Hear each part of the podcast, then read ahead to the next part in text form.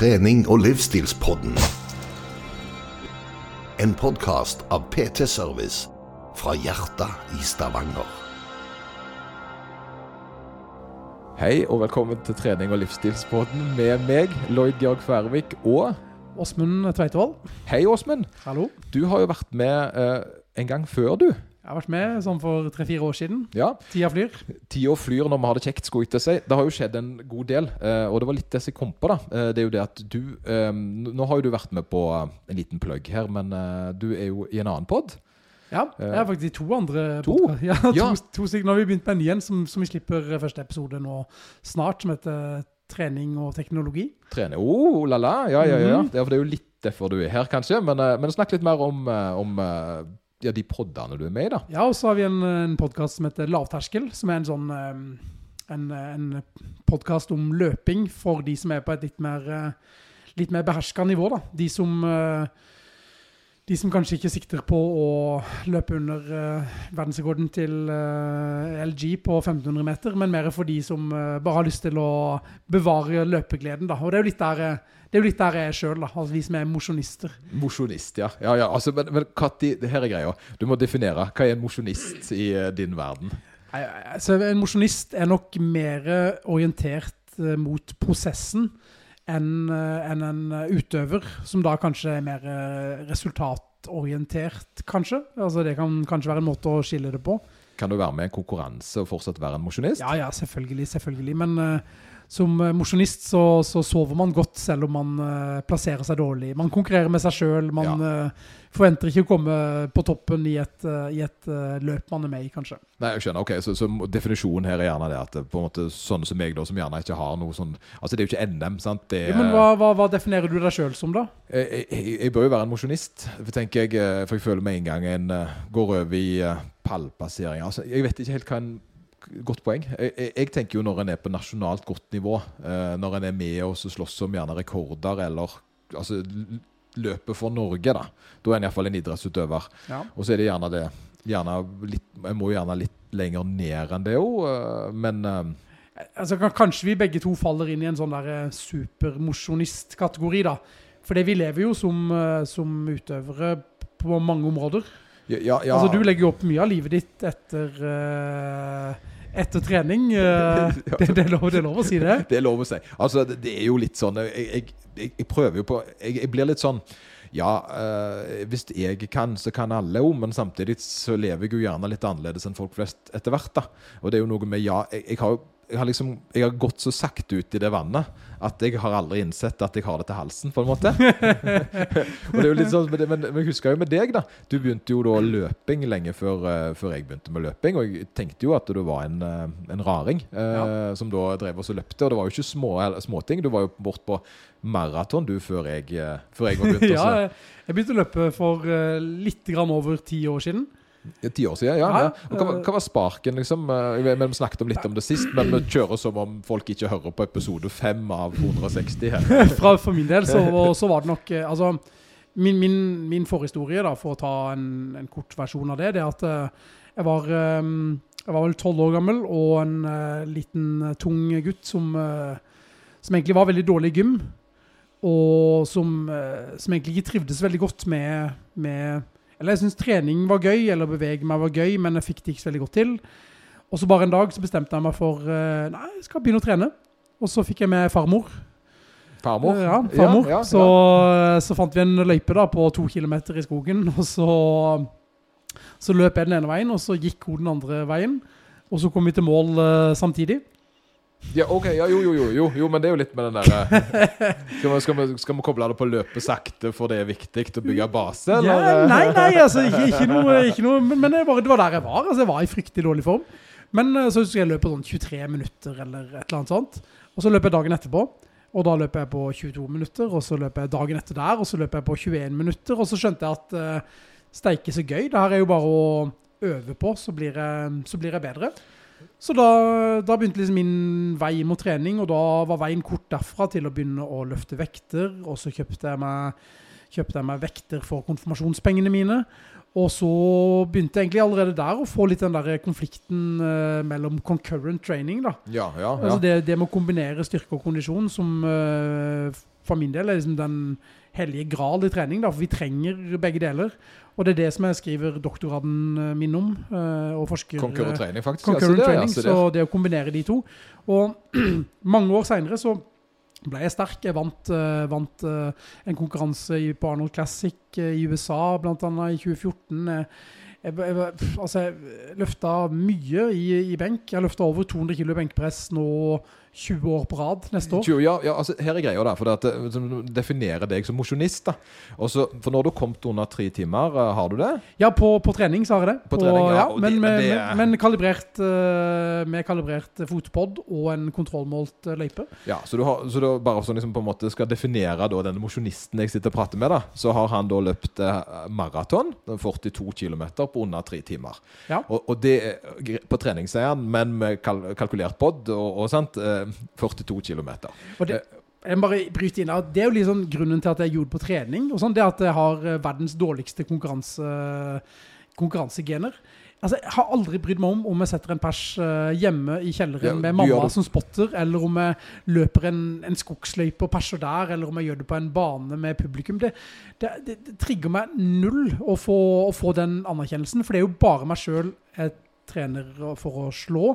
Og så har jeg liksom alltid visst det at uansett hvor eh, sterk du er, så er det en jente i Kina på ni år som varmer opp med maksen din. Og så lenge du husker det, så Ja, så lenge du får liksom en måte å holde på det. Men det er jo det. det, er jo det. det kommer jo, jeg er jo på TikTok, sant? Ja. og så plutselig så er det eh, en åtteåring som drar 180 markløfter. så bare Å, ja, sant? Altså, han skulle egentlig bare rydde. Altså, det, Ja, det var liksom. Men OK, uansett stats må vi ha her. Da, da har vi iallfall konkludert med at selv om det er på trening, og du ikke gjør det for noen andre enn deg sjøl, så har du løpt maraton på under tre timer. Kan jeg fortelle hvorfor jeg gjorde det? Ja, få høre.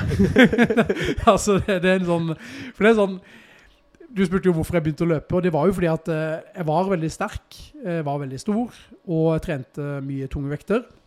Følte meg vel egentlig som en atlet på mange måter eh, da. Altså, jeg løfta kunne ta, kne, kunne ta frontknebøy med 200 kilo. eh, Altså jeg kunne løfte veldig tunge vekter. Jeg kunne løfte Atlas Steiner på 180 kilo. Altså jeg, jeg følte meg, jeg kunne løfte stokk på eh, 130-40 kilo over hodet. Altså jeg følte meg liksom sånn veldig, veldig sterk. Men så var jeg og sto på ski med en gjeng nede i Chamonix. Og så var jeg veldig flink første, første rønnet ned da, i svart løype. Og så stivna det bare helt, og så rant liksom de som ikke trener, og sånn, de bare rant ifra meg. Det var liksom power-out-putten de første ti minuttene var great. Tanken var tom, liksom. Og da fant jeg ut at nei, sånn, sånn kan jeg ikke ha det. nei, nei, nei. Så da kom jeg hjem derfra, og så begynte jeg bare å løpe, akkurat som jeg gjorde når jeg var tolv 12 år gammel. Begynte jeg bare å løpe, begynte å løpe hver dag, ble gradvis bedre. Meldte meg på trekjørsløpet, som er et fantastisk eh, Ja, det har jeg ikke løpt ennå. Eh, Det må du Eh, løpe. ja. Og så var løpinga i gang. Og rundt da i 2012-2013 da, så, så så jeg et intervju med, med Lance Armstrong. Ja. Eh, og han, eh, han hadde da løpt New York Marathon, og, og han kom akkurat under tre timer. ja. Og så sa han at eh, det var det hardeste fysiske han hadde gjort noensinne. ja. Og da snakker vi om en mann som eh, noen mener har vunnet syv eh, Tour de France ja, sammenlagt eh, Helt rabiat. etapper, og han, har- han har vært gjennom mye lidelse, og han, han har jo vært triatlet på høyt nivå. Ja. Eh, så, så det, han mente at det var det tyngste han hadde gjort. Og da tenkte jeg bare tre timer. Så bare gjorde jeg litt sånn rask hoderegning. Det kan ikke være så vanskelig. Det må jeg, det må jeg kunne få til. ja, men du fikk det jo til. Jeg fikk det jo til, da, men Ja. det tok jo ti år. da. Jo, med- ja, ja, men, med- men det skal ikke komme gratis, sånne Nei, ting nei, skal nei. det vel, sant? Eh, Men ok, men eh, får høre det, det holder, holder igjen, men, men du har jo den andre enden, så har du jo da benkpressen din da. Ja, Og den synes jeg jo er litt grei, for det er som du sier, du har løftet 200 i benkpress eh, de siste 20 årene, ja altså det er vi hvert år. 19 år nå, da, så det er 20 år neste år. eh, 20 år. Så du er på ja. 20 året med å ta 200 i benkpress, og det betyr at du faktisk på samme året løpte under tre timer eh, Ja. maraton Ja, ja. og løfta 200 i benkpress. Og, og, og, og der er det ikke mange jenter i Kina som gjør. Nei, kanskje ikke. Faktisk, eh, og det var den eh, i fjor når jeg løfta 200. Da hadde jeg faktisk en sånn der en 800 meter ganger ganger 20 økt som var liksom sånn kjempenivå på, liksom. Så, så noen ganger så har jeg følt at jeg klarer å kombinere de veldig bra akkurat på samme tid. Og noen ganger så er det litt grann delay, og det har litt grann med at kroppsvekta ofte må være litt lavere når jeg løper eh, lange løp, og litt høyere når jeg liker å løfte tunge vekter. Ja. Og det har litt med skaderisiko å gjøre, føler jeg. Det har litt med liksom sånn følelsen av trykk i kroppen, og det er litt sånn eh, Ja, for, for det der lurer jeg litt på om du kanskje kunne gitt meg et svar på. Fordi jeg har et sånt brytningspunkt der. Der jeg på en måte, når jeg går unna den magiske vekta der, så, så, forsvinner Og det er klart, den har jo økt litt grann med da eh, styrken Altså etter hvert som jeg har fått mer muskelmasse, da. For det, jeg merker jo det er vanskeligere for meg å ligge på 83-84 nå, fordi Uh, har mest, forhåpentligvis fått mer uh, muskelmasse. Mm. Det kan være at det er alderdommen som gjør at det sliter litt mer. Det er ikke det? Nei, nei, nei. Ja, det var godt. Uh, men, men, det som jeg sliter med, er at jeg har en sånn magisk grense der jeg, når jeg tipper unna den, så mister jeg så mye styrke. Og det er snakk om et par kilo, da. Og det ser jeg jo veldig ofte med folk som jeg trener at hvis de er veldig det er en veldig hard kamp ned i vektklassen sin, så er det så radikal endring på styrken. Mm. Uh, Noen kan på en måte svinge opp og ned fem kilo hvis de veier nok, men det er en eller annen sånn magisk grense. Mm. Og Hva tror du det skyldes egentlig at uh, Det kan nok være være noe biomekanisk. da, At eh, man blir liksom så, så, så Man får så lite fett rundt alt av ledd at det faktisk føles tyngre på det. Det kan være energinivåer, det kan være hormonelle nivåer hvis man blir altfor uh, for lett. Men jeg føler veldig på, på, akkurat det samme. Og i og med at, um, i og med at mye av identiteten vår, både min og din, er jo bundet opp mot det at vi er sterke menn. Ikke sant? Du kjenner jo på det at på, du, du, du, tviholder på at det å være sterk, det er liksom en del av den du er.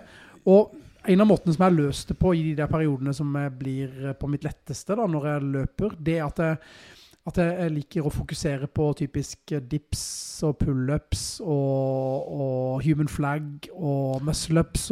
Altså jeg skifter litt fokus til hvilke øvelser som jeg gjør til referanseøvelsene da. Og så, ja, ja, ja, blir man plutselig veldig god i det fordi man er, fordi man er lett. Og så har man en sånn lite push på det. Og så legger jeg kanskje bort uh, veldig tung knebøy. Og muligens også veldig tung benk, men kjører mer uh, høyrep i benk og mer fokus på høy uh, velocity og så, og så videre. Så det gjelder liksom å velge, velge, kampene med OMU. For når jeg bestemte meg for det å løpe under, uh, under tre timer, så var jo forutsetningen da at jeg skulle klare å fremdeles holde på disse 200 kilo i benk, ja, eh, som da ja. bare er et tall, og som, som, egentlig bare betyr noe for, eh, for, meg. Det betyr jo ikke noe for noen andre. Det er jo ingen som kan se om jeg gjør 190 eh, eller 180 eller 200. Liksom sånn, det, det, blir jo bare en sånn Kun en egoting, da. Kun en ting bare for liksom å Det er et magisk tall, da. Det er jo ja, det er jo et rundt tall, altså. og så er det veldig lenge til neste rundetall, 300, så da, det, måtte, måtte, bli, måtte bli det. Så, så det er mer en sånn der, en sånn der at så lenge så lenge jeg krysser den av, så kan jeg liksom beholde den gamle identiteten min som en, uh, ja, ja. Som en sterk, uh, sterk, fyr. Men, men, den skjønner jeg. Denne, jeg har jo fått en del sånn, og det merker jeg jo litt i forhold til uh, hva folk da For jeg jeg er jo coach og regionstrener og sånt for styrkeløft. da, uh, og, og, det jeg på en måte prøver å si til folk, det er at ja, jeg, altså jeg brenner jo for styrkeløft. Uh, sant? Og jeg brenner jo for det å hjelpe andre å bli sterke. For det, jeg kjenner det så veldig godt.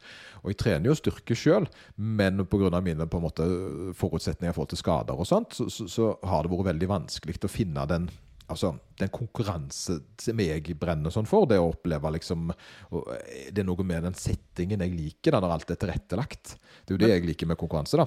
Men jeg tenker, når jeg hører det du sier der nå, så, så, så, for, så har jeg lyst til å stille samme spørsmål som, som, jeg får veldig ofte. da. Å, du liker å løpe langt. Å, du liker å løfte tungt. Hvorfor driver du ikke med crossfit? ja, det, så det kan jeg speile tilbake å, til du, Lloyd. Hvorfor, å, hvorfor, ikke crossfit? Å, vet du hva? Altså, hadde du spurt meg for ti år siden, så hadde jeg hevet deg ut. Uh, men så har det modnes, vet du. Ja, jeg kan tenke enig. Uh, og det er noe sånn altså, jeg, tror i takt med at fornuften rundt oppleggene på CrossFit, så, så har jeg kjent på en sånn en uh, Jeg har ikke så mye problemer med mye av det lenger. Selvfølgelig, jeg kunne kommet inn der. Jeg er ganske sikker på at jeg kunne gjort en god jobb med periodisering av treningen deres. og. Det tror jeg jeg kunne vært med på. Men det er blitt bedre, da. Det, før så var det jo sant? Altså, eh, Det er det der ordtaket som på en måte, eller denne tingen som de sa når de starta med CrossFit, som jeg kjenner så på. Eh, det er mange som skader seg. Og, og, det var sånn statistisk Jeg tror det var 17 eller 16% av de som begynte, hadde skada seg innen tre måneder. Eh, og så sa lederen for CrossFit Norge på det tidspunktet så sa han ja ja, men det er så mange som driver på med CrossFit. Sant? Eh, da, med andre ord enda flere totalt ja. Ja, for, for, han skjønte ikke helt hvordan matte fungerte. Nei, nei, nei. Så, så, da ble jeg litt sånn Ja, og det er problemet, det, men, men, det har jo blitt snudd på. Det har jo kommet inn gode coacher som har forståelse for det nå. Og, og det er jo den hybridgreia som jeg på en måte har havna litt på. da. Mm.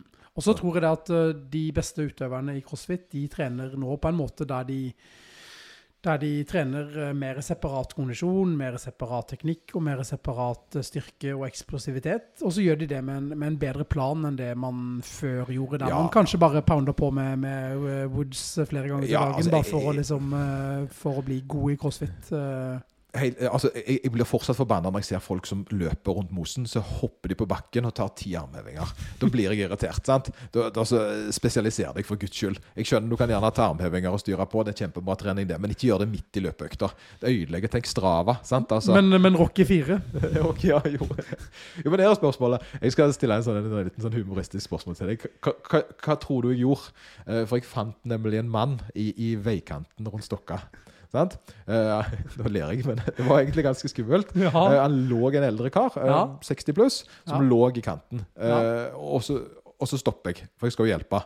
Hva gjør jeg? Går jeg først bort til han, eller stopper jeg klokka? Altså, det er et lurespørsmål, fordi at jeg vet at idet du stopper, så har du en sånn der bevegelse der du bare toucher innom stoppknappen, og så tar du vurderingen. Helt riktig. Helt riktig. Og, og den, det første jeg gjorde, var å stoppe klokka. Så hjelper mann.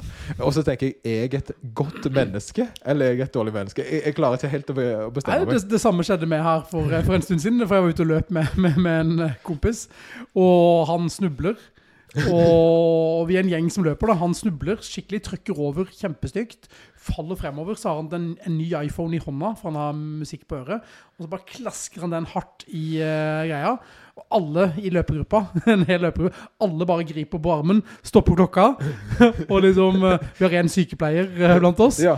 Og han løper frem og bare hvordan, hvordan gikk det med iPhone? Hvordan gikk det med iPhone? Mens eh, Martha ligger i, ligger i store smerter. Men eh, det gikk dårlig med iPhone, det gikk bra med Mart. eh, Og han, Ok, men eh, det ja. var godt. Ja, ok, Så- men det, det, det kan, venner kan en alltid bytte ut med den nye iPhone. Den er det Ja, verre med. det- Så, det, så det, jeg ser den, altså. Ja, ja. Nei, men Tilbake til CrossFit, da. Eh, Vi må vel bare det. Eh, jeg, jeg, jeg ser jo det. altså jeg, jeg har jo alltid hatt en sånn guilty pleasure og, i å se de der eh, resultatgreiene. da De der Mhm. filmene som kommer ut. Jeg ja, syns de jo er det er litt gøy. Ja. Uh, jeg synes jo det er litt gøy, og, og jeg ser jo det at eh, jeg trener jo nok mer som en jeg trener jo som en styrkeløfter i styrkeløftsammenheng. Og så trener jeg jo kondisjon, da, svømming, eh, sant? løping og sykling. da. Eh, så jeg driver jo ikke med vendinger og så mye av den type sånn Hva blir det? Aerobisk Altså Men er jo ikke du typen som er redd for å lære deg noe nytt? Nei, det? nei, og jeg ser jo overgangen her. Så, så hvis jeg for eksempel, jeg tror jo faktisk skaderisikoen min hadde vært lavere hvis jeg hadde drevet med crossfit enn styrkeløft. For det blir så spesialisert. Mm. Sant? Jeg slipper unna med gjerne å dra 200 pluss i markløft og kan være med på en del konkurranser med det. da. Mens da det å på en måte dra 100% altså TRM, det, det, det blir så, så, så, så jeg, jeg ser jo appellen, men jeg kan ikke begynne med det i tillegg. sant? Nå er det swimrun, det er triatlon, det er styrkeløft. Eh, men jeg, jeg er ikke lenger den sure, sure antitypen. da. Jeg ser faktisk hvorfor folk kan velge det. Men er det her en helt, helt annen Go. Men altså, tenk hvis uh, styrkeløft, og der er jo en helt annen diskusjon, da, men tenk hvis styrkeløft og strongman og de andre idrettene kunne lært litt av måten som, eh, som CrossFit eh, presenterer produktet sitt på. da. Altså Se disse filmene fra Games. Se hvordan du kan gå inn på, på livestream og se konkurranser eh, live, og det er faktisk gøy å se på. For nå har jeg vært på en del styrkeløftstevner opp igjennom, og, og det er gøy når du kjenner noen. Ja, ja. Og så har de ikke den store publikumsappellen, eh, bortsett fra, fra det. Men, men altså, CrossFit har liksom klart å gjøre konkurransene gøye. De har klart å få frem profiler. Det er en del ting de har gjort som bare Det at det er få klasser, f.eks. Altså, det er ingen vektklasser i, åpen. Altså, det, det er liksom sånn Det er en del, ting de har gjort som jeg tror både Strongman og Styrkeløft uh, kunne lært litt av. Jo en sånn måte å få det til å flyte gjennom raskt på. Eh, blant annet så har de jo en sånn der eh, de har en sånn styrkeløftdel av CrossFit, der de skal gjennomføre styrkeløftene i løpet av så og så mange minutter. Og så får de en total maks på det, som legges inn i, i resultatlista. Ja, ja, ja, jeg, det er jo det som gjør det. det er jo sant, det å se, Jeg ser jo de showene, og jeg syns jo det er kjempegøy. Og, og, og sånn som Styrkeløft har jo hatt et problem. Det er jo det at det, som oftest så starter gjerne NM på fredag. sant? Og så har jo ikke eh, så har du, Hvis du er heldig, så har du bilde på fredag. Så er det, har du kanskje lyd i tillegg på lørdag, og utover søndagen så har de jo fått teksten på. Og jeg skjønner jo det at det blir drevet på dugnad, og veldig ofte i disse hallene her så er det dårlig nett og sånn. da. Eh, og, og, og jeg vet jo de jobber jo iherdig med det, og det er blitt så mye bedre. Og nå de siste NM-ene så har de til og med fått inn spikere og, og gjør den delen der. Da, for det, men dette er jo noe sånt som jeg alltid har sagt, at hvis du ser Se på ti miler på, på, på langrenn, da. Mm. Hvis de hadde fjerna Kim som, Altså fjerna hvor fort det går, hva plass du er på, og alt det der, der så hadde det jo vært, bare vært masse folk som står på ski i skauen. Stemmer det. Det hadde jo ikke vært interessant i det hele tatt. Så du må bygge opp et moment. Da. ja. Um, og Og det, det, må, og det må nok starte internasjonalt da, med, med gode produksjoner fra VM og sånne ting. Og så syns jeg det er litt, litt grann bedre nå som det er utstyrsfri løfting. ja. Uh, ting går litt fortere, det er litt mindre styr med før og etter løftene osv. Så, videre. Så ja, jeg, jeg tror, sånn, så, for det, det er jo litt sånn synd akkurat det med styrkeløft og utstyr. For jeg, jeg kom jo inn under styrkeløft-utstyrsperioden, og det er jo det jeg begynte som. Som en styrke, altså utstyrsløfter. da. Mm. Eh, men sant, igjen da, da 1,90 høy, og den fysikken her den var ikke optimal for utstyr heller. Eh, så, så det har jo blitt en del skulderoperasjoner og diverse. en del, faktisk. En del, ja. Jeg er jo på sjette, så ja. Så ikke si jeg ikke har blødd for idretten. men, Operert, operert, operert. Operert, operert. operert, operert. Så jeg, jeg har vært innom kniven, for å si det sånn. Og de siste gangene så fjerna jeg stinga sjøl. Jeg gikk ikke til legen. Da var det bare Altså, det blir jo sånn. Eh, Men, men greia er at eh, det som gjerne kommer fram nå, det er at før så hadde du drakten på, den er ikke behagelig. Surringene er harde, og det er veldig mye fokus på å ha den på riktig. da. Og da er det ikke så lett å lage show. Sant? Eh, da står du der stive fordi det er vondt, og så skal du løfte absurd mye vekter. Og, og spenningen med utstyr er jo da gjerne at en kan flytte plasseringer fordi en har et heldig løft, eller, mm. sant? eller konkurrenten har et uheldig løft. Det er flere faktorer for å få det til. da. Så akkurat den resultatmessige delen kan være litt mer spennende, mens på utstyrsfritt da, så føler jeg gjerne at det er litt satt hvem som vinner på forhånd. Ja. Litt mer, men, men det er jo Men, men det er det jo også i en 5000 meter eh, når Jakob Ingebrigtsen løper NM, f.eks. Altså det, det, jeg syns ikke det er noe galt i at uh, de beste faktisk får de beste plasseringene.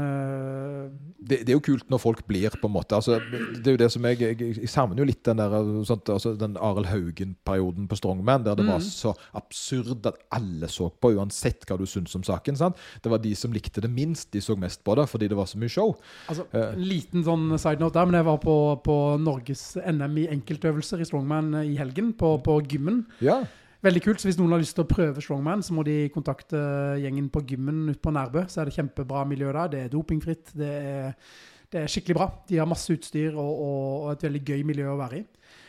Og da, da var jeg der, og da fikk jeg plutselig en telefon fra Arild. Og så ringte Arild og spurte om jeg var på NM i enkeltøvelser, for han hadde hørt at jeg var der. Og da lurte han på om han òg skulle komme ned, og så, så kom han ned. Og, og da så jeg når de var konkurranse da, da så jeg liksom bare flammen i øynene hans eh, kom tilbake. Oi, Og han kribla, han hadde lyst til å løfte, men han har hatt litt skader han også da, sånn Ja, han eh, Det ble klar, eldre. klarte å holde seg. Men, eh, men ja. Det, det, det, altså, ja, det var jo et eventyr på den tida. Men, men og da, litt tilbake til dette her med det var et show. sant? Mm. Eh, Og jeg tror det med utstyrsfri løfting, da, styrkeløft, så tror jeg det at eh, da- har de sine ritualer. sant? Da vet du at uh, hun eller han kommer ut, de har setupet sitt. Det er liksom sånn sponsor, mer sponsorvillige greier. da. Mm. De kommer liksom ikke stive dinglende ut. De kommer liksom brølende og, sant? og bare nå, nå er det show. Uh, og, og, og vrir seg ned i gulvet, og så bare gønner de på, og så drar de og sant? Tar baklengs salto etterpå. Ja, og så er jo på en måte, jeg føler jo at etter at utstyrsfri løfting eh, tok av, så, så har nivået blitt veldig veldig høyt, fordi at mange atleter fra andre, som kanskje hadde gått til andre idretter, da nå trekkes mot, eh, mot styrkeløft.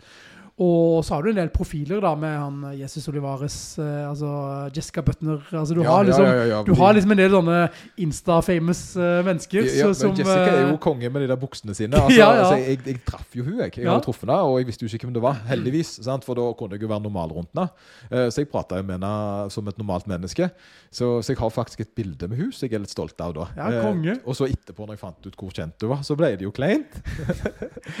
vi satt og venta på bussen sammen, og så prata vi jo selvfølgelig. og så- men sånn er jo litt styrkeløft. da. Det er jo et litt annet uh, opplegg. Jeg traff faktisk eh, Julius Maddox uh, litt randomly her en, her en dag. Bare sånn random. ja, det er mannen som har løfta, eller skal løfte 360. Han har løfta 355 kilo i, i, i benkpress. Så vi, vi tok en selfie da med, med Hvordan, hvordan følte du deg da? Altså, du, du, du, du kunne ikke ha portrettmodus da? Du måtte ha vært horisontalt? Nei, sant? faktisk, faktisk denne gangen der, der, Nei, jeg fikk, fikk, vel Josefine til å ta det bildet der, men, men jeg traff uh, Pav, Pavlo Nakonechny. Jeg vet ikke om du vet om det er? Nei, han, Det er den breieste strongman. Han er en Oi, sant, ja. ukrainer som bare er helt uh, enorm. Han er, han er verdensmester i styrkeløft. ja. Satte verdensrekord som junior i, i, uh, i markløft, blant annet. U23-mester ble han mange ganger. Um, eller han Han vant ung, ungdom og junior. Supersvær mann. Vi eh, traff hverandre, prata litt, og så skulle vi ta en selfie sammen. Og så prøvde jeg å ta først, men da kom jo ikke han, eh, jo ikke han med. Så han måtte liksom bare ta, ta og så strekke de lange armene sine ut, og så fikk vi en eh, kul selfie sammen. da. Ja, det er kult. Det er kult. Det er litt sånn, litt sånn det- For en rar verden ble vi her. Power. Altså, litt av, jeg skal prøve å kjøre en liten sånn Segway. Eh, fordi ehm, det- vi vi prøver jo det. Det var jo for du er jo kalt inn på teppet pga. at du har noe kunnskap som jeg er interessert i. Eh, opp til flere andre. vet Men en veldig lang intro, ble det ikke det? Eh, veldig lang. Jo, jo, men det er jo det som er på det, er det ikke det?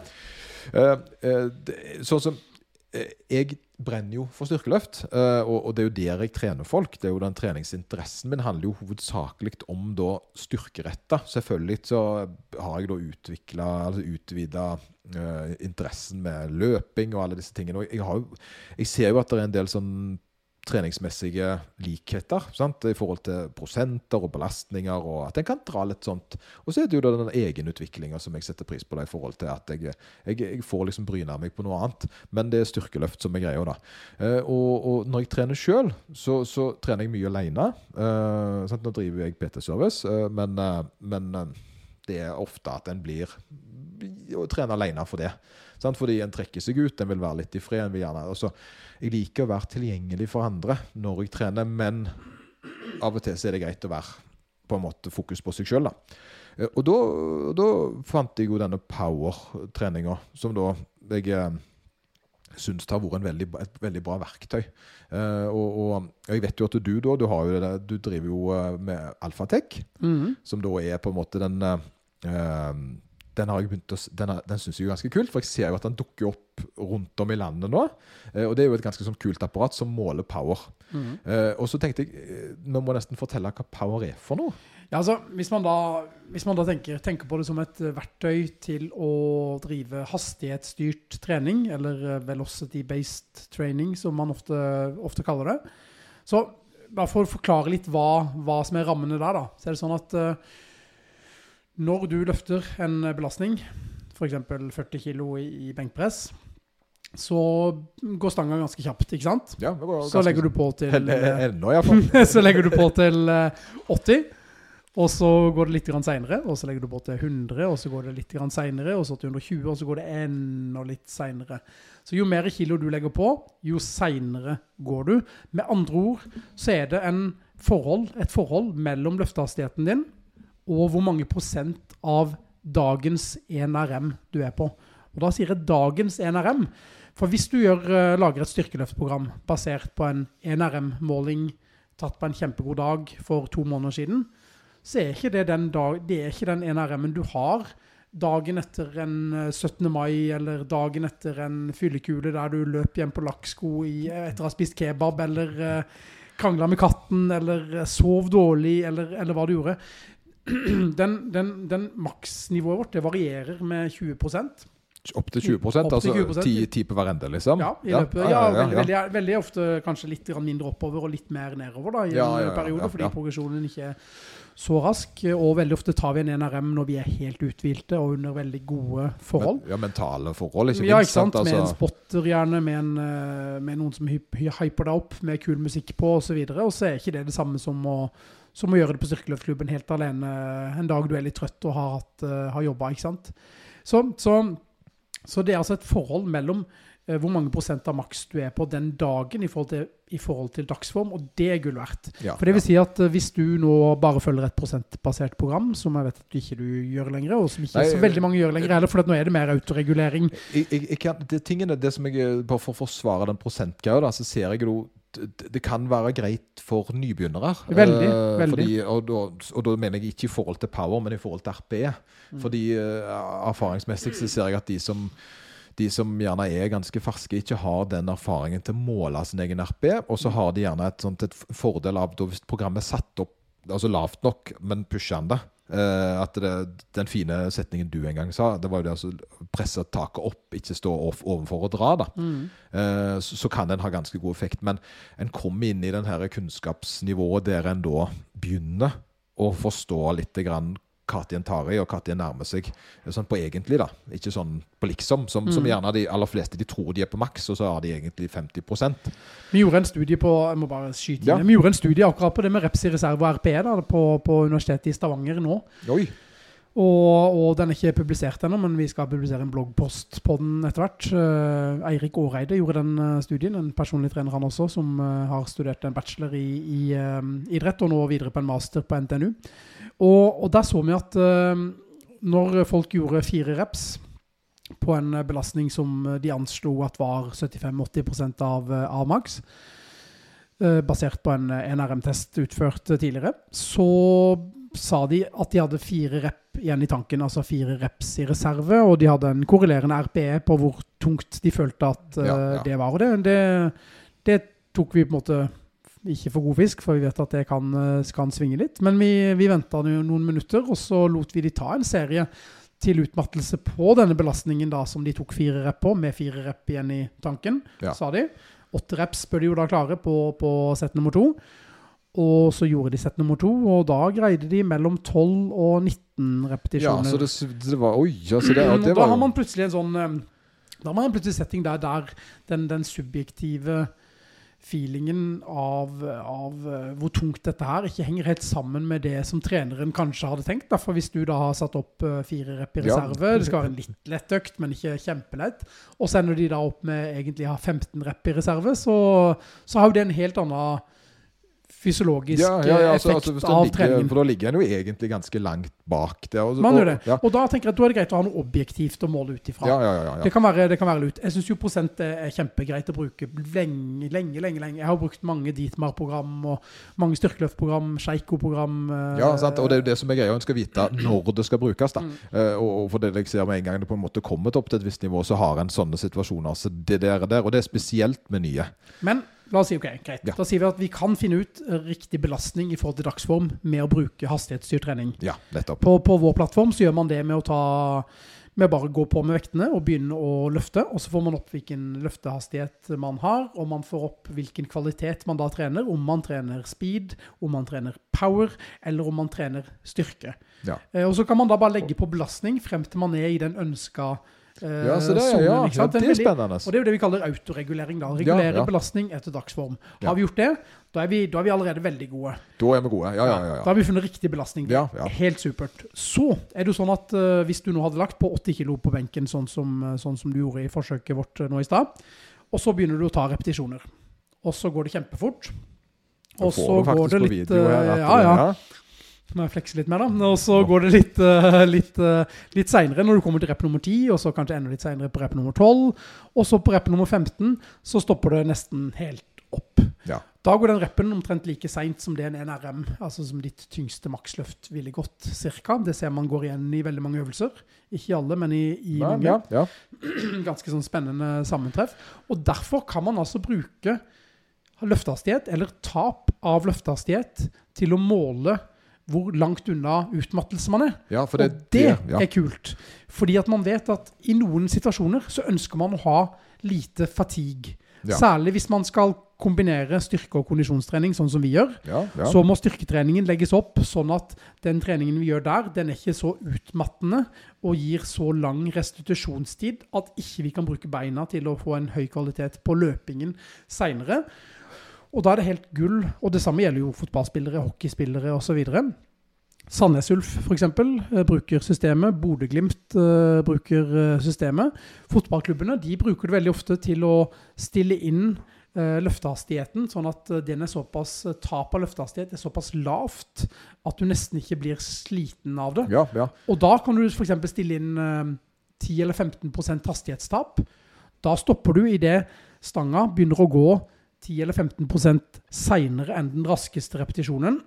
Og da sikrer du deg at, uh, at du er nesten like fresh når settet er ferdig, så du kan ta et nytt sett med samme kvalitet uh, Ja, at du øker volumet, på en måte? Ja, det kan du gjøre. Ja. Eller du kan stoppe etter et par sett, og så vil du være helt fresh dagen etterpå. Eller du kan spille kamp dagen etterpå, osv. Og, så og da har vi plutselig noe som gjør at, uh, at uh, eliteserielag, Premier League-lag, hockeylag i, i kan... NHL osv. kan bruke det da til å time treningen bedre. Eller en styrkeløfter som ønsker å trene knebøy seks dager i uka, kan jo da bruke det som et virkemiddel til å få det til å, å, passe inn uten å akkumulere for mye av denne fatigen.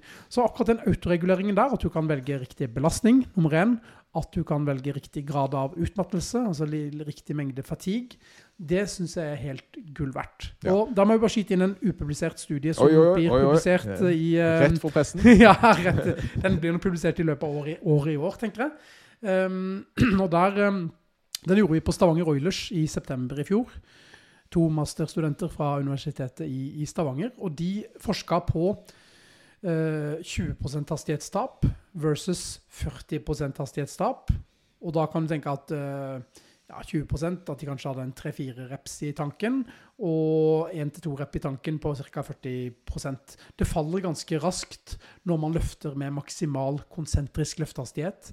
Eh, så, så, kommer det fallet i løftehastighet, det kommer ganske bratt, og det kommer på slutten. Så forskjellen mellom 20 og 40% er ikke sånn veldig stor. Det er kanskje to-tre repetisjoner eh, per, eh, per, serie. Så de gjorde altså en studie på Stavanger Oilers sitt U20-lag og sitt kvinner elitelag, og gjorde det i åtte uker. Så så man at den gruppa som trente til 40% hastighetstap, hadde faktisk best fremgang de som ja. gikk nærme utmattelse. Kanskje litt uh, overraskende i forhold til en del andre studier, men det var en studie som var gjort i sesongen. Ja. Og de trente bare, de trente bare uh, veldig få sett med knebøy i løpet av en uke, altså seks serier totalt i løpet av en uke. Og det var liksom styrketreningen på beina, så ganske lavt volum. Og man vet at når volumet går ned, altså antall serier går ned, så bør intensiteten, altså grad av utmattelse, gå opp. Ja, ja, det som var spennende da, det var at uh, de løfta med maksimal konsentrisk løftehastighet. De fikk opp løftehastighet på skjermen på hver repetisjon foran seg med Alfredek uh, sitt, sitt, system. Og så var det godt trent utøvere som har trent styrke siden de var små. Og de økte i snitt 10,2% i NRM i knebøy i løpet av åtte uker i sesongen. Og det er helt sånn helt ja, det, det, det, er helt, det, er helt, oppsiktsvekkende, for egentlig så skal de så vidt klare å holde nivået i den perioden. Men her økte de nesten altså 13-14 kilo, tror jeg, hvis ikke jeg husker feil, i snitt per, uh, på, alle, på, alle, utøverne.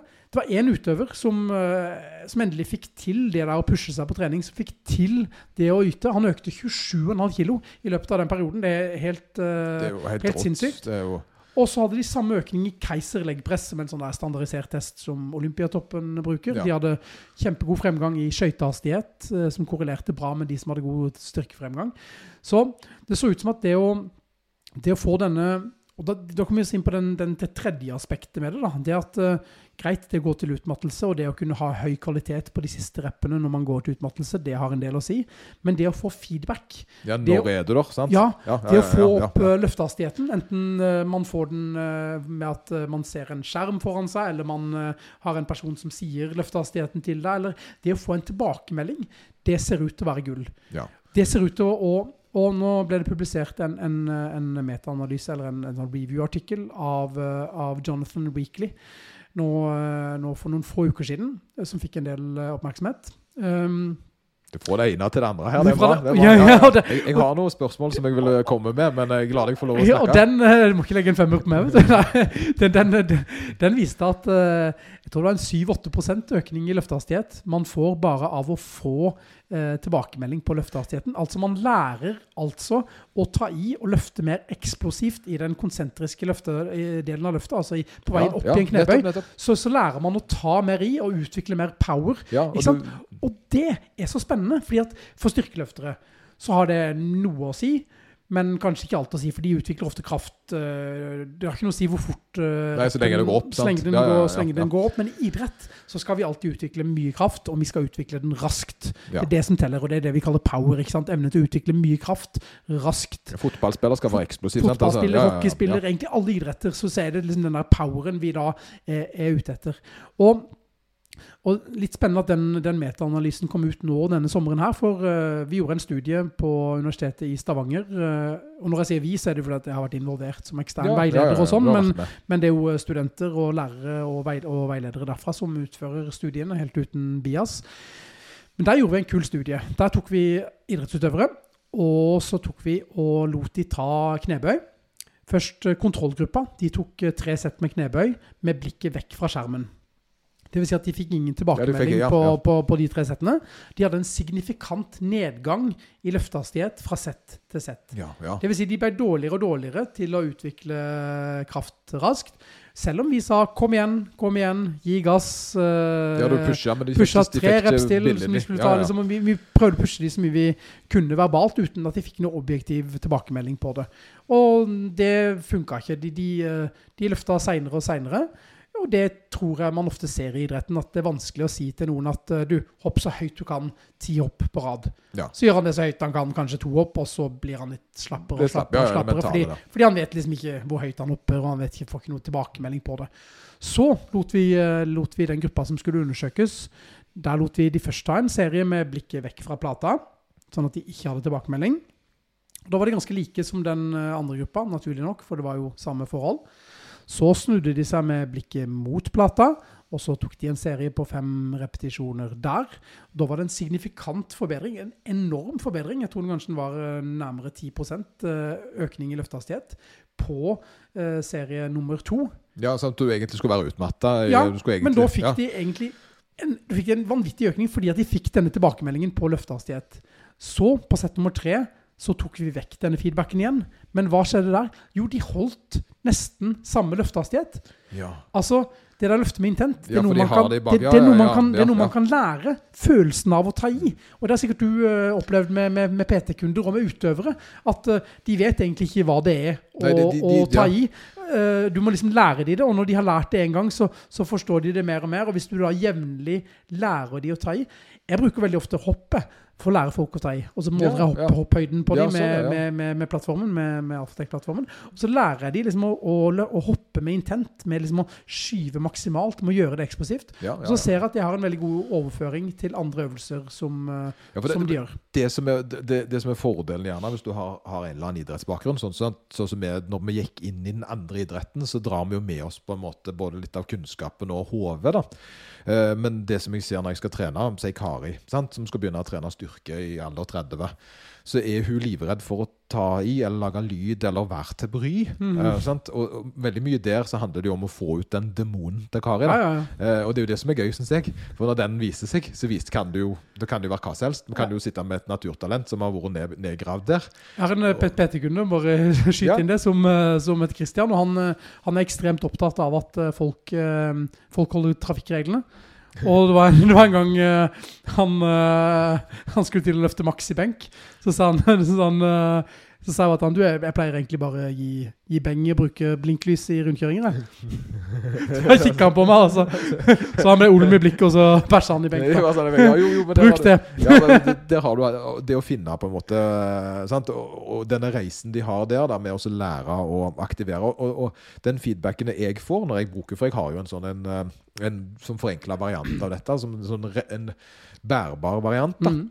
uh, som jeg da bruker. Og, og det er jo det jeg ser, det er det at uh, i benk så har jeg nok det mentale med meg til å klare å presse til han gir beskjed at nå har du fått nok, Lloyd. Mm. Du har fått nok. Men i bøy så er det litt sånn skrekkelig.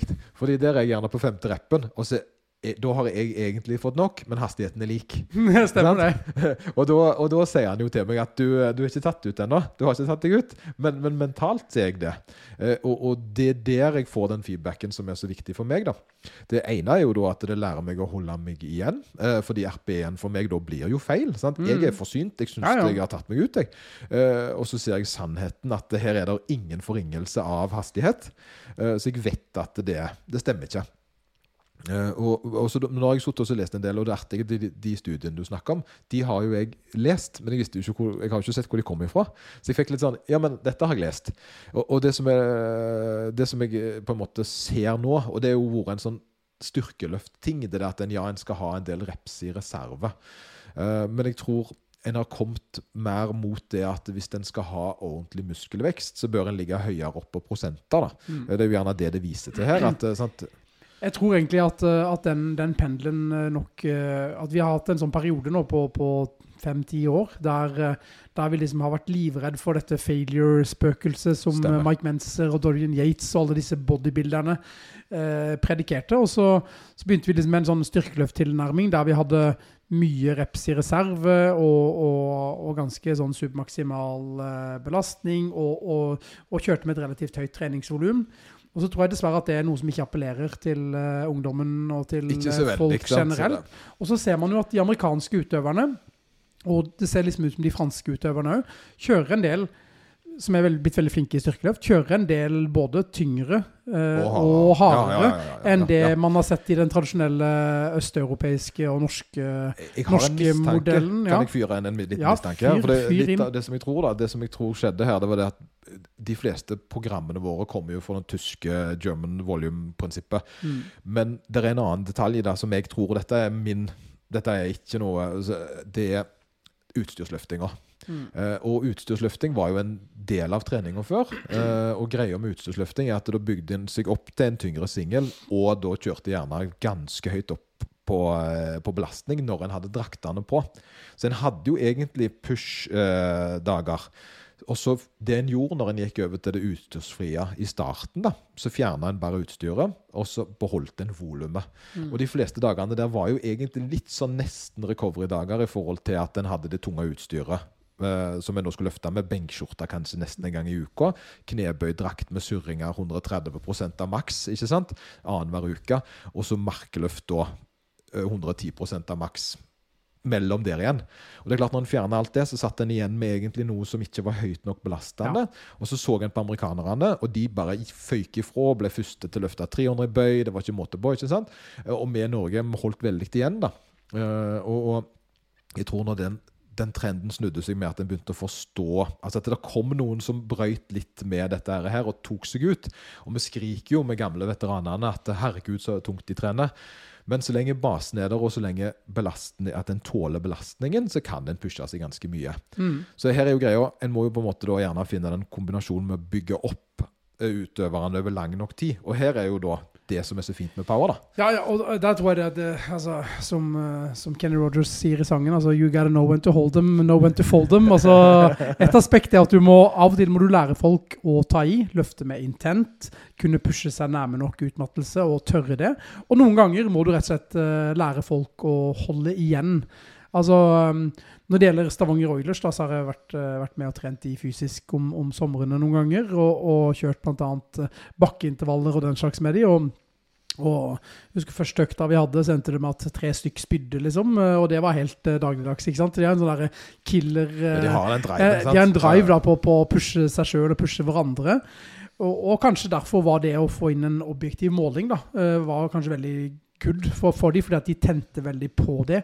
Og det å vite at når du får det røde lyset på skjermen, så betyr det at du har nådd det du skal, og da stopper du. Ja. Og så sparer du deg kanskje for den aller siste, eller de to siste sånne grindene. ja, teknisk failure-greiene der du på en måte Ja, og teknisk failure, det er veldig morsomt at du sier det, for det er liksom noe jeg alltid har Jeg har alltid tenkt mye på det her med, med, med grad av utmattelse. Det, det, det har holdt meg våken mer enn en Ja, natt ja, opp igjennom gjennom livet. Ja, men det, det, det har vært veldig sånn jeg, eh, altså jeg så jo Dorian Yates uh, sin Blood and Guts-film. Den så jeg før hver trening i, i sikkert i to år mens jeg var eh, student og studerte idrett. VHS. Ja, stemmer det. Jeg har møtt Dorian en del ganger, og, og han, han trente jo beinhardt. Uh, Og, og det er jo en del eh, kroppsbyggere som har den tilnærmingen til, og mange som har blitt veldig sterke, da, som har den tilnærmingen uh, til det. Men samtidig så, så øker skaderisikoen. Uh, Du, du får uh, Du har mer vondt. Jo, jo, baserer Treningen baserer det på, på Så det har liksom alltid vært veldig sånn i tvil om, om hvor hardt man egentlig skal pushe på. Og så tror jeg en del av den forvirringen min oppi der, det har vært at ja, det å kjøre leg extension til totalt eh, momentary failure, altså at de ikke greier å utføre en repetisjon lenger, det gjør ingenting. Det er ikke så farlig. Da er det kraftig muskulær uh, Ja, det- trøtthet i den muskelen som skal ha det. Mens det å kjøre en serie med knebøy eller markløft, der du ikke, i markløft der du ikke greier den siste repetisjonen, det er jo en helt annen form for, Ja, for- eh, fatigue. Da er, du en, da er du forbi den tekniske, tekniske failuren. Den er du forbi kanskje for fem reps siden. Og så er du kanskje kommet til noen rep der du nesten spretter litt i bakken, eller du, Ja, du ja, du lårer, eller Altså, øvelsen trøtter ikke lenger ut det systemet du ønsker å, å trøtte ut. Det blir jo alltid svakheten i løftet som skader seg. Det er jo aldri sant? Det er jo sjelden du smeller quadsa i bøy. Det er Stemmer jo hofta eller et eller annet Stemmer mindre muskel. Og da tenker jeg jo at eh, Så vi må bare tenke at eh, failure i en isolasjonsøvelse og failure i en kompleks eh, øvelse vil alltid være to forskjellige ting. ja.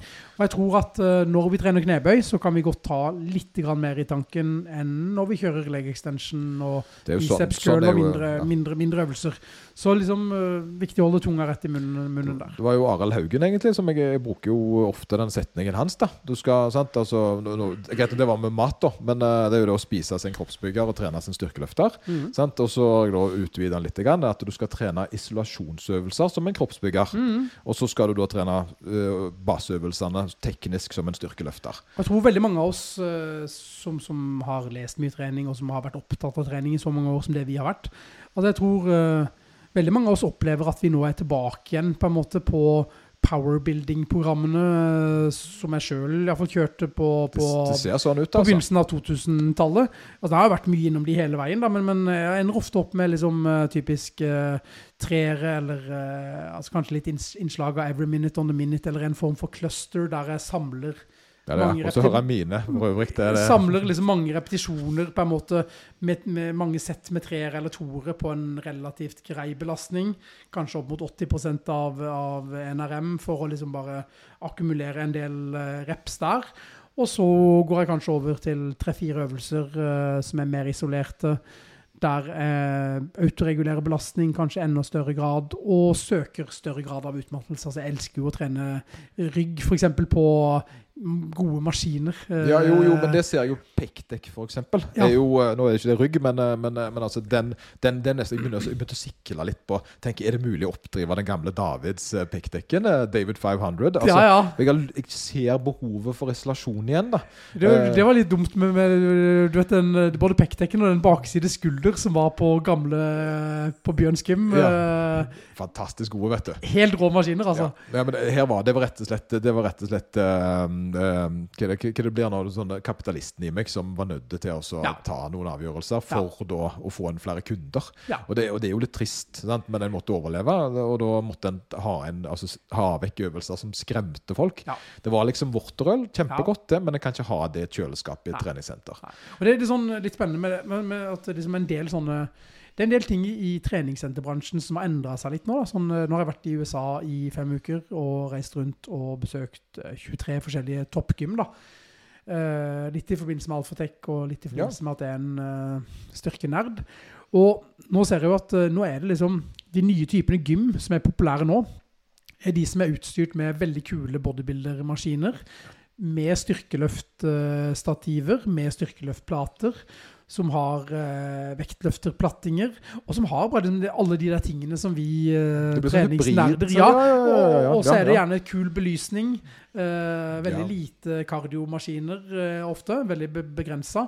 Eh, men liksom en sånn derre Litt tilbake igjen til, til typisk uh, Bjørn Skum uh, Ja, i Haugesundsgata. ja, ja.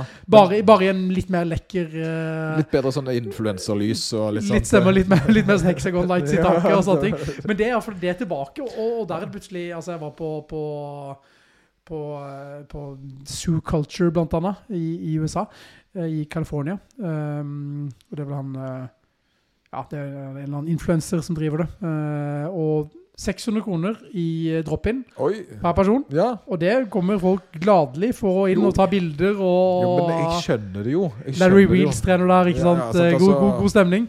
Og vi var tre stykk, liksom 1800-1900 da kom du på jo, for, jo, eh, for en altså- god trening. Jeg altså, det er jo, det er jo, altså, det er jo en middels uh, flaske whisky, sant? Altså, skjønner du? Det, det, det er litt hva kveld du skal ha. Ja, ja, ja. stemmer det. Stemmer det. Og det, og det, og det jeg, jeg ser, det som folk må på en måte legge av seg, da, det er det at det skal være billigst mulig å trene trene. Det, det koster jo litt mer å Ja. trene ikke meg. sant? Jeg, eh, Men, men, og det er sånn der, I Norge så skal liksom et, et gymmedlemskap skal koste det samme som en pizza. ja, det er jo helt Eller forresten, Evo kjører jo gratis eh, ut året nå Ja, omtrent. Ja, liksom. Du, du, får vel ikke, får du får vel ikke pizza ut året gratis, gjør du, gjør du det? nei, nei, men det er jo blitt absurd. sant? Og det, det, det er helt sykt. Og det er sånn, vi snakker om helsa vår. Vi snakker Ja, ja, om liksom ja, ja. Og så skal det på en måte være noe vi bare, bare gir bort. Og som, så jeg håper jo at, eh, jeg håper jo at liksom, jeg håper at det skjer ting i bransjen og skjer ting i det offentlige som gjør at vi på en måte kan berømme de sentrene som tar vare på medlemmene, der det er bemanning, der det, der det faktisk er en oppfølging som fungerer. Ja, sant. Eh, altså, det fungerer jo fordi altså, så, så, Se oss, da, for å dra et eksempel på det. Eh, Gjett hvilken måned vi har best salgstall. Og hvis jeg spør sånn, så vet du at det ikke er januar. Nei, nei eh, September Nei. Nei. Eh, For det er, det er, Desember, altså før jul, i julegaver, kanskje? det er, det er nest, Desember hadde det vært, hadde det ikke vært for at desember er en halv måned. Ja, Sant? stemmer. Uh, juni. Juni. juni. Sant? Og, og skal forklare den. da Ja. Det er at Når folk begynner i januar, så fortsetter de jo. Sant? Så vi har da den økende snøballeffekten fram til juni, og så tar Ja, folk sommerferie. Sant? Altså, Den får vi jo ikke, blir vi jo ikke kvitt. Nei, nei. Og så er det oppstart igjen, altså midten av august, og utover ny snøballeffekt fram til desember. Ja. Så vi har jo ikke toppen i januar, sant? de som melder seg inn og faller av. Nei. Vi klarer jo da på grunn av at vi følger opp de vi trener, gi de større kjærlighet for trening, Ja, ja. og så blir de, og så blir vi da høyere og høyere medlemstall i juni. Og, det, og, og, jeg, og det er jo litt for uh, gleden, da. Sant? Ja. Og altså, der håper jeg jo at vi, vi kommer alle mann, da, at treningssentrene tar så godt vare på medlemmene, at ikke noen treningskjeder, eh, ingen eh, nevnt, ingen glemt, men at ingen skal liksom basere seg på denne Planet Fitness-modellen i USA, liksom der du egentlig bare, hvis alle kommer og trener, så har du egentlig ikke plass til dem. Du har egentlig bare plass til at 10% av medlemmene Ja, er der. Så jeg tenker, eh, la oss få en, la oss få opp betalingsviljen, og at folk innser at, at uh, det å gå på trenings, et, et kult treningssenter kan være akkurat som å gå på, på et kult Ja, diskotek, ja, for en kul nattklubb. Nå var jeg akkurat i, i, blant annet i Los Angeles da, og, og var på John Reed Fitness, har du hørt om det? Nei, nei, nei, men Nei. det høres bra ut. Ja, du, du, går, du går inn, og så er, det bare, så er det bare som å gå inn i det kuleste nattklubben du kan tenke deg. Og så er det DJ i DJ-boothen, kjempesvær DJ-booth, og så er det sånn romerske statuer som står Ja, ved siden av. og- og- så har du bare den der viben og den feelingen. Alle er glade som er der inne. Ja, Alle er fornøyde, alle koser seg. stemmer. stemmer. Alle er- Alle møter opp, sant? Altså, ja, ja, ja, alle, alle, og ungdommen har kledd seg i, eh, i de, de kule, klær, kule treningsklærne sine. Til fritida deres. Det blir en sånn der, Ja. det blir en plass der du eh, Sånt, eh, sånt elsker jeg. Det var nok litt sånn uh, den harde kjerne på, på Bjørns. Ja. Hadde det den gangen de Ja, nei, altså, hang det var jo- der i gamle var- dager, da. Det var jo derfor, altså, Jeg husker jo investeringa mi det ene året var jo ikke i treningsutstyr, det var i sofa. Skinnsofa. Sofa. Ja, det var jo for at folk skulle sitte og henge, og, og, men det har jeg jo ennå. Ja. Det er jo sofa i alle rom. Ja. Uh, og, og det er jo fordi at det skal være en sosial, koselig plass. Fordi vi går ikke på kafé lenger, vi går da og trener. Mm. Uh, og vi gjør gjerne flere timer, og når vi trives med å trene, og kan henge sammen med venner og sånn som det. Og det er klart, ja, altså det hørtes ut som mitt verste mareritt, det du beskrev på den plassen der i forhold til diskotek og sånn som det. Men jeg skjønner jo appellet, sant? så mitt hadde jo sett annerledes ut. Skjønner Ja, for du, du er jo, eh, du er jo ikke 20 lenger. Nei, stemmer, stemmer. Selv om du er ser sånn ut, så er du, ser du ikke, ser du ikke det. Og, og, og, men, men, men, ja, men samtidig så bare ser jeg det at, eh, at vi har hatt en del sånne turer eh, verden rundt nå, jeg og, kjæresten, der vi liksom har der vi besøker masse kule gym. Altså Nå skal vi til Bali og være der i tre måneder. Og da har vi to av eh, de to kuleste gymma på øya da, på Bali. eh, de, de har vi medlemskap på. Og, og da sånn, da drar vi dit, og så kan du henge hele dagen. Du kan, det er solsenger, evighetsbasseng. Det er liksom, kjære folk, det Ja, er, ja, det er liksom ja, ja, ja. proteinshakes. Det, det er liksom smoothie bars. Det er liksom, og du har bare hele livsstilen da, som du bare kan forbarme deg Ja, over, som, altså, som er kjempekult. Og, og vi elsker det. Uh, og det er så veldig mange som er akkurat som oss nå, som drar uh, verden rundt, eller som, som, som bruker gymmet til, uh, til det. Og der, må, der håper jeg liksom at, at Stavanger-gymmen også våkner og lager noe, noen kule konsepter og noen, noen, noen kule noen sentre som har alt det der, da. Ja, ja, Bare den der lightingen i taket, Ja, det Instagram-vennlige Har dere begynt med det? Ja. Jeg vet ikke om du har sittet der. Jeg har den der, det er jo jeg som har lagd det der You're gorgeous, go home og sånt. Altså, ja, da, er. Stemmer. Altså, litt sånt, men jeg prøver jo å gjøre det litt sånn altså, Det er jo appellet til vår aldersgruppe, da. Det er jo det jeg sier. Altså, at vi, vi, og vi har med jo sånn kakefredag og litt forskjellig. Og Ja. Det er jo styrkeløft, tross alt. Så du, du må jo ha kake. Eh, og, og vi setter opp litt temakvelder, vi har julebord. altså Ja. Kundene har julebord. Ja. Så, så, så det blir det en, Og det går jo fordi det er en økonomi til det. Ja. Og at vi trenger ikke å ha 800-900 medlemmer for at det skal gå rundt. For det, jeg, jeg kan ikke bli kjent med 800-900 mennesker. Det går ikke. Og der, Eh. det, altså, apropos CrossFit, eh, for de liksom bare slutte den sirkelen. Ja. Altså, så, så det de har vært veldig flinke til, det er at når du får et nytt eh, CrossFit-senter, eller starter en ny filial, så tar du bare inn ganske få medlemmer, og så kjører du opplæring på de. Ja, Og så legger du til litt flere, og så er det venteliste. Og så kommer det inn flere, flere, flere. Flere. Ja, ja. Jeg trente på Warhouse Gym i San Diego nå. nå. Oi, oi, oi. Eh, og av en gammel krigsveteran, en ga- skikkelig kul type. Han lager maskinene sine sjøl. War Machines kaller han de. Og, og de er helt rå. Altså, det er den kuleste hip thrust-maskinen. Det er den kuleste, kuleste pendulum-squatten. Altså, han, er en, han er et geni. Han er, idrett, han er utdanna i idrettsvitenskap, og han er utdanna sveiser, så han har liksom alle forutsetningene da, for å få det Det er sveiser jeg skulle bli, altså. det til, ja, det er dødskult. altså. Jeg har jo et beltskott fra, fra deg og faren. Ja, stemmer det. Den, den, den har jeg for øvrig sett dukke opp over hele landet. Ja, den er, bra, den er også bra overalt. Pappa er veldig fornøyd med det, da. At, at Ja, Den traff et marked, den, altså. den gjorde det. den gjorde det. Så uh, Citygym har den blant annet Ja, her. altså, jeg har jeg og- at de har ja, egne masse- videoer med det. Ja, Har, ja. har jo en PT-service òg. Ja, ja, konge. ja, den er veldig god. Den er veldig Den funker bra. Men sveising er, er gull, ja. Uh, jo, hvor var vi? Uh, Jo, det var i San Diego. og jo, San Diego, ja. Uh, og han, han har bygd, begynt, han bygde opp dette senteret. Han starta for et år siden. Eh, han sa OK, jeg skal ha 400 medlemmer. Når det er 400 medlemmer, så sier jeg stopp. Ja. OK, nå har han lange ventelister. Det er stopp. Ja. Okay? Han åpner opp et nytt senter et annet sted. Samme regel. 400. Så pleier han det. Han følger opp medlemmene. Han kjører, kjenner fornavnet på alle sammen. Og han kjører samme stil som, som dere gjør. Bygger det opp. Og tjener da bra med penger. Ja, har kjempegod business. Det er dyre medlemskap.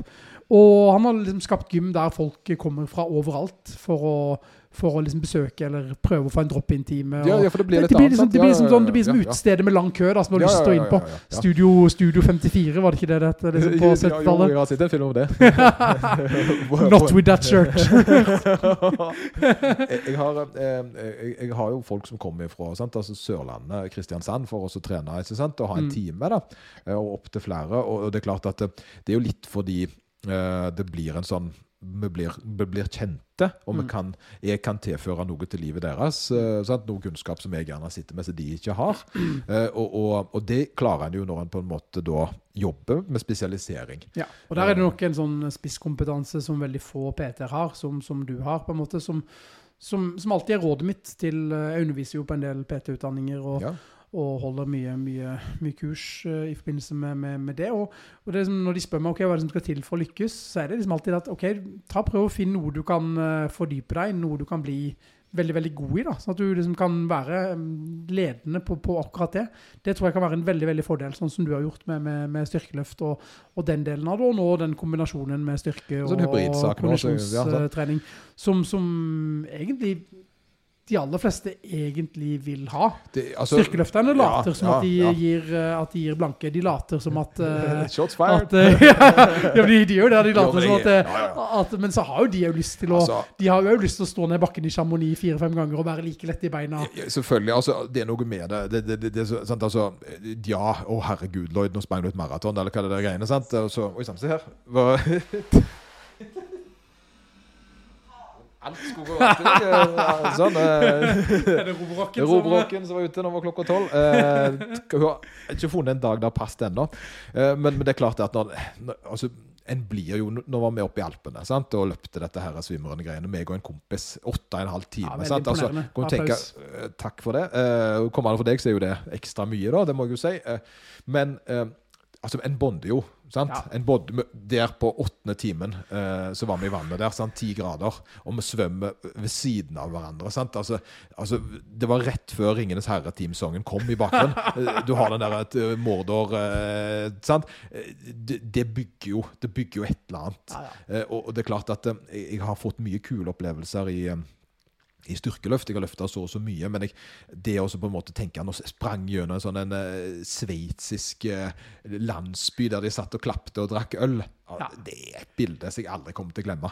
Det, og, og- det å kunne gjøre det, og så være med på NM og prestere middels, sant? Eh, Det, det er jo egentlig en drøm, da. Ja, en kjempeprestasjon. Eh, og jeg tenker legen, hvis han på en måte tar en blodprøve av meg nå, eh, sant? i forhold til 10 år siden når jeg veide, sant? Det 10-15 år siden når jeg veide litt mer, da, og hadde blodtrykk, altså. Så det er klart at eh, det har jo skjedd en del ting Ja. sånn med helsa. da. Jeg, jeg har jo aldri i mitt liv vært i bedre sånn altså, Hvis du til aldersbetinga form, hvis du skjønner Ja, da, at jeg i forhold til oksygenopptak, i forhold til ditt, i forhold til datt. Og, og det er klart at det, det er jo det som, når du er 40, betyr noe. Ja, også, men, men bare tenk da, altså, la oss si man er styrkeløfter også, og så må man da etter hvert må man jobbe da i fire måneder i, i, på et knallhardt program, eller et veldig strukturert program.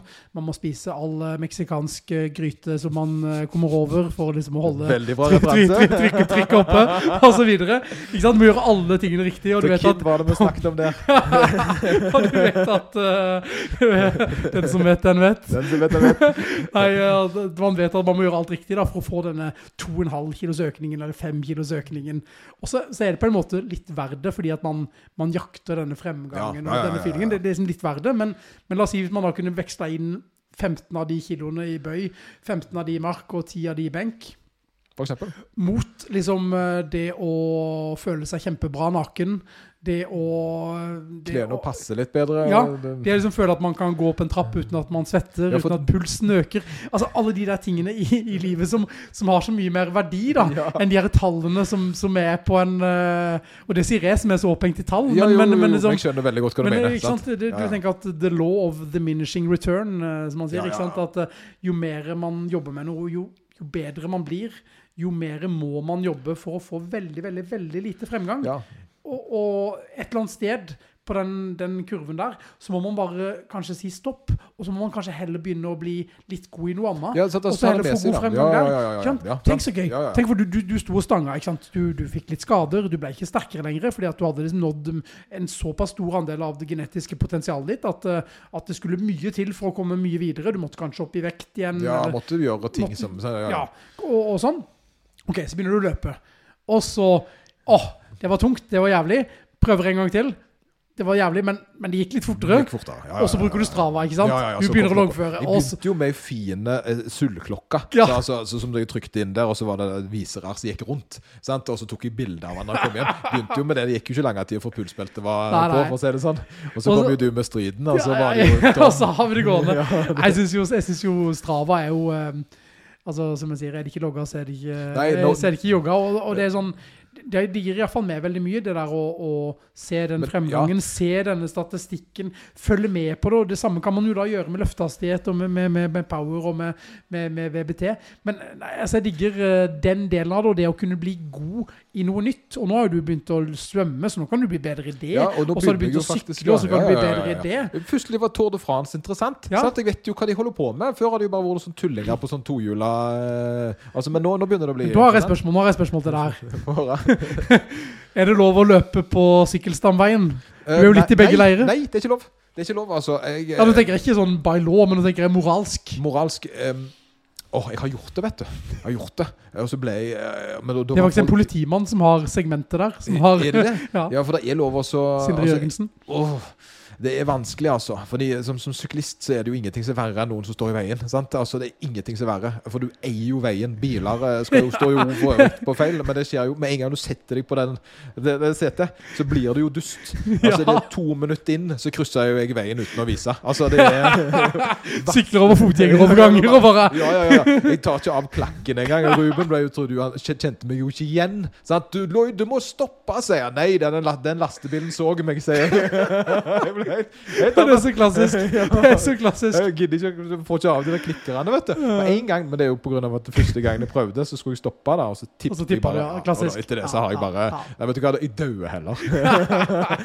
Jeg ligger unna under begge hjula. Sikte. Er det er rart det der hvordan eh, og og det ser vi i eh, lavterskel i, i eh, den, den løpepodkasten vår. da. Vi får veldig mye meldinger om akkurat det her. da, At eh, enten folk eh, har blitt skjelt ut, eller eh, fordi de løper på, på denne fine, flotte veien. Ja, ja, det, ja. der det er overraskende lite syklister, da, så det er mye ledig kapasitet. Jeg skal bruke den godt, jeg. altså. Jeg skal markere den, jeg.